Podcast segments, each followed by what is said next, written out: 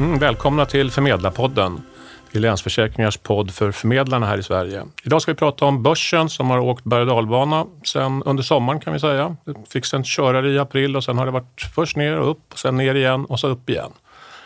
Eh, och de som eh, ska svara på frågorna här och visa vägen det är Alexandra Stråberg som är chefekonom på Länsförsäkringar och Edvard Jögi som ansvarar för att vi alltid ska ha ett väldigt bra fondsortiment att erbjuda våra kunder. Och jag heter Mats Wester och är ansvarig för den förmedlade livaffären i Länsförsäkringar. Välkomna! Tackar. Tack. Som sagt, året började väldigt starkt och sen hände något i april. Börsen föll och sen har det varit berg och. Mm. Och nu har den återhämtat sig en hel del igen. Jag är nog inte kanske tillbaka på årshögsta, men inte så långt ifrån. Vad är det som händer, Alexandra? Ja, jag tror att börsen speglar ganska väl eh, volatiliteten skulle jag säga, över det som pågår i världsekonomin generellt. Det, det är oroligt? Det är väldigt oroligt, ska jag säga. Och det är ju för att vi har ju det här handelskriget eh, mellan USA, eller handelskonflikten än så länge, mellan USA och Kina. Vi har... Vad är det för skillnad på konflikt och krig? Nej, men jag tänker, än så länge är det en upptrappning. Mm. Det, är liksom inte, det har inte öv, slagit över till fullskaligt krig än. Nej. Helt enkelt. Men jag tycker att handel är ändå det som präglar ganska mycket av det som pågår. Det pågår ju alla länder som har en någorlunda öppen ekonomi, till exempel Sverige och dess företag och dess exportförutsättningar och de här företagens investeringsplaner etc. Och så lägger vi till lite Brexit på det och så lägger vi till lite konjunkturella problem i Tyskland på det så tror tusan att det är oroligt. Och så kommer vi från en period när det varit väldigt goda tider eller bra tillväxt under ganska lång tid. Så Exakt. oron är väl också om det ska, är vi på väg att köra in i en lågkonjunktur eller? Mm. Eh, och det är, tror jag inte. Det tror inte du? nej. Nej, nej. nej, det tror jag inte. Eh, men eh, jag tror att vi är absolut in, på väg in i en avmattning. Mm. Definitivt. Det blir en, liksom en mjuklandning i bästa fall. Jag tror det, men det beror mm. lite på vad Trump tänker att han tänker göra med Kina. Mm. Eh, därför att det, på det sätt som Trump agerar just nu ser det som att han egentligen för nationell politik med hjälp av konflikten med Kina. Därför att han har ju ett internt språk med Fed-chefen Powell. Helt enkelt därför att han vill att Powell ska sänka räntan. Därför att det är egentligen det enda som Trump bryr sig om är börsutvecklingen. Om börsen går bra så är han en god president och tvärtom. Så att nu vill han ju få Powell att sänka räntan. Powell säger att vi gör inte det. Vi är självständiga, vi kör vårt race.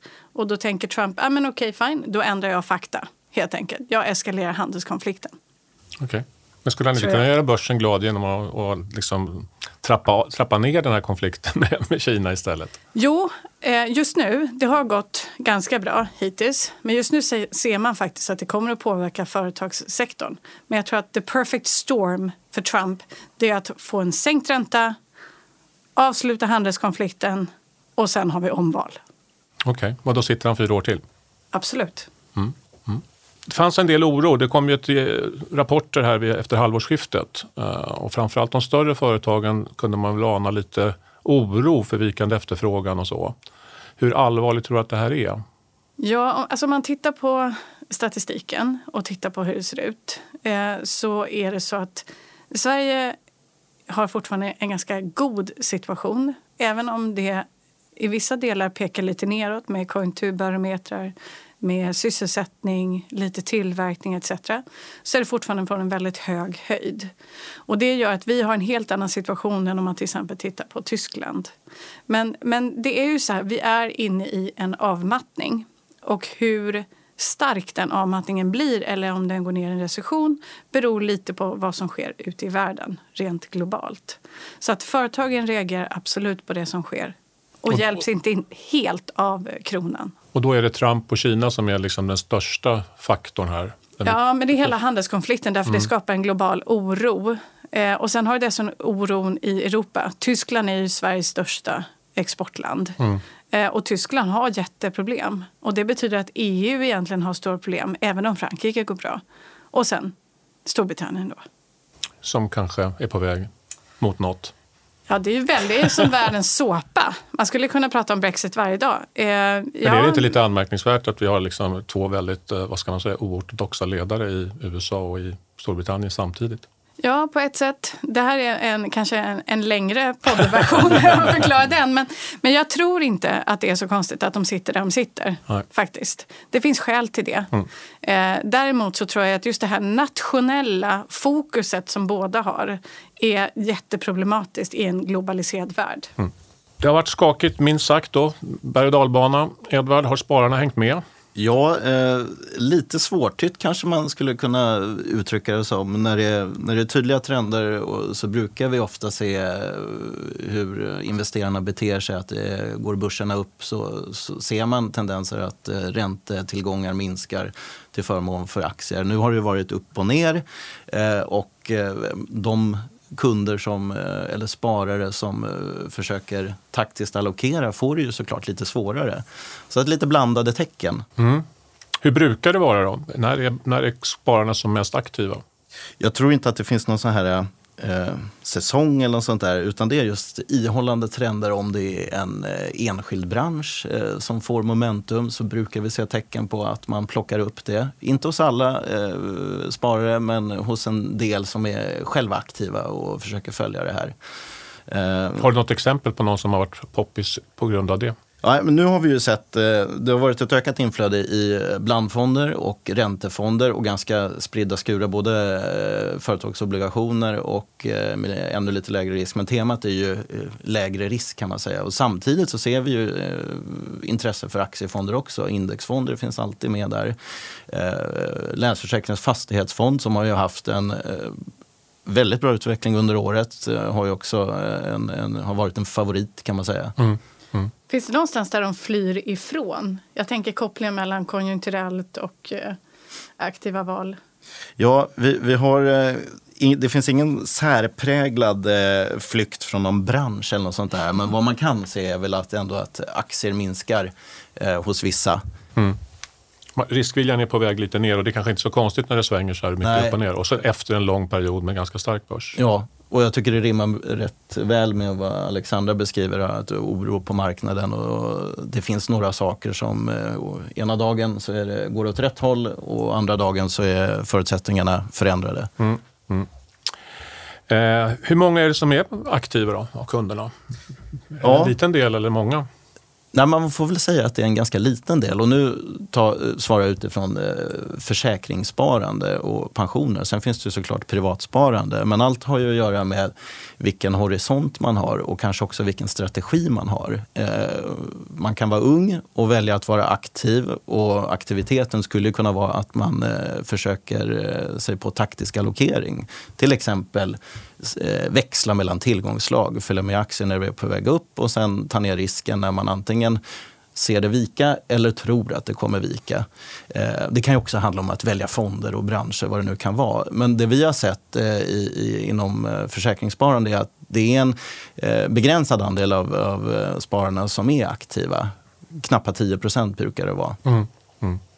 Okej. Okay. Är, det, är det bra det eller dåligt? Det beror ju på. Uh, har, man valt en, har man valt en strategi där man själv ska vara aktiv, ja då måste man vara aktiv när det svänger. Till exempel, man går in med en period när det är vikande aktiemarknader och lägger sig i lågrisk. Då måste man ju vara aktiv och gå in eh, när man har en lång horisont kvar. Mm. Annars så blir ju eh, tillväxten eh, underoptimerad om man mm. uttrycker sig så. Mm. Men du, Men, men, du menar att om man, man, ska vara ärlig med sig själv, om man inte egentligen är så intresserad, då ska man välja fonder som passar ett, liksom att man ja, inte behöver vara så aktiv? Ja, och det tror jag. Det och, och, det kan ju handla om att eh, är det något beslut man ska fatta under sparandets gång så är det att ligga i, i rätt tillgångslag som mm. ger dig en hög sannolikhet för att få ut så mycket som möjligt av ditt sparande. Är du ung, då har du möjlighet att ta mycket risk. Även de här kortsiktiga fluktuation, fluktuationerna klarar man av. Mm. Givet att eh, horisonten är tillräckligt lång. Och sen såklart då, när man börjar närma sig tidpunkten då man ska börja använda sparkapitalet så behöver man säkerställa att man plockar, hem,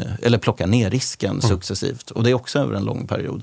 Så det beror lite på. Strategin mm. tror jag är avgörande där för, för att veta att eh, antingen så spelar det ingen roll att det svänger mycket på aktiemarknaderna eller så behöver man vara eh, ganska aktiv för att mm. säkerställa att man ligger rätt. Hur aktiv är du själv?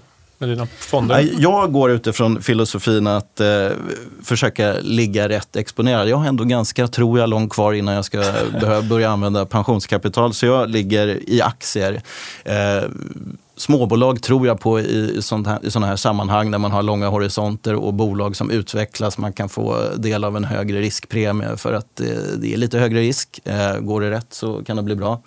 Eh, så att jag, jag är inte jätteaktiv när det gäller att byta fonder men eh, ser över strategiska mm. tillgångslagen i portföljen.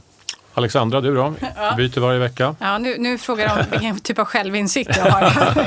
ja, eh, nej, men jag, jag är nog en sån person som eh, eh, behöver påminna mig själv om att gå in och kolla. Så att, eh, just nu är jag faktiskt i en sån fas därför att jag känner att just nu med tanke på allting som sker, jag känner att vi är på någonstans i ett läge där det kan liksom, eh, ja, vända eller inte. Och då har jag faktiskt gått in och, och kollat och tittat eh, på vad jag har. Har du Så, gjort något också? Eh, ja, men faktiskt. Ja. Jag, tagit ner risken lite? eller? Tagit ner risken lite mm. och uh, tittat ordentligt på det jag hade och mm. gjort några val. Men jag tror att min lösning för det, det är att lägga in det i kalendern. Okej, okay, så att du avsätter liksom, det dyker upp i Outlook när du ska... Ja, men exakt. Ja. Och det tror jag är sånt, mm. det är min självinsikt då, att göra det. Därför att jag, jag är inte som Edvard och tittar liksom kontinuerligt eh, och har det som jobb, utan jag tittar mer på abstrakta globala rörelser och då mm. behöver jag påminnas om att att komma tillbaka till verkligheten. Ja. Orangea kuvertet brukar vara en signal som man ja, brukar ta sig. Ja, jag ska göra det lite oftare än jag får det kuvertet. Faktiskt. Men om vi då återgår till det som kanske är ditt, din hemmaplan, ja. de, de globala utsikterna. Vad, vad, vad händer resten av året? Eh, ja, eh, då tror jag att Europa eh, har ju problem att komma igång mot en recession, en lågkonjunktur. Eh, jag tror att ECB kommer att göra vad de kan för att försöka hjälpa Europa jag tror att Fed tittar ordentligt kring det som sker i USA.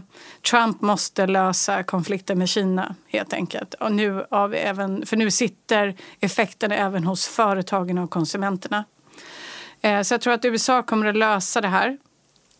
Men det är presidentval nästa år som du sa. Ja. Trycker det på också att den, han vill ha fixat det här innan Ja, men det tror jag. Allting ska se bra ut nationellt liksom, mm. Eh, för mm. Trump. Så att räntan, han ska försöka få ner den mm. och sen ska försöka lösa konflikten. Och mm. sen vill han vara ny president. Eh, och i Sverige så tror jag att vi går mot en avmattning. Eh, och det är ju inte något fel i det. Vi kommer från en extremt hög nivå. Mm. Och sådär. Men det gäller ju, där känner jag, där ligger min insikt att där gäller det att hålla koll på vad som sker nu ute i världen. För så är det med Sverige, vi följer efter. Mm. Men om vi tittar då på, vi är på väg ner i någon slags lite lugnare tempo i ekonomin och räntorna de är redan egentligen kris, på ett sätt, och i den gamla världen på någon slags krisnivå mm. kan man ju säga, eller i alla mm. fall extremt lätt penningpolitik får man ju ja. säga. Eh, hur länge kan det, det tillståndet fortsätta med negativa räntor?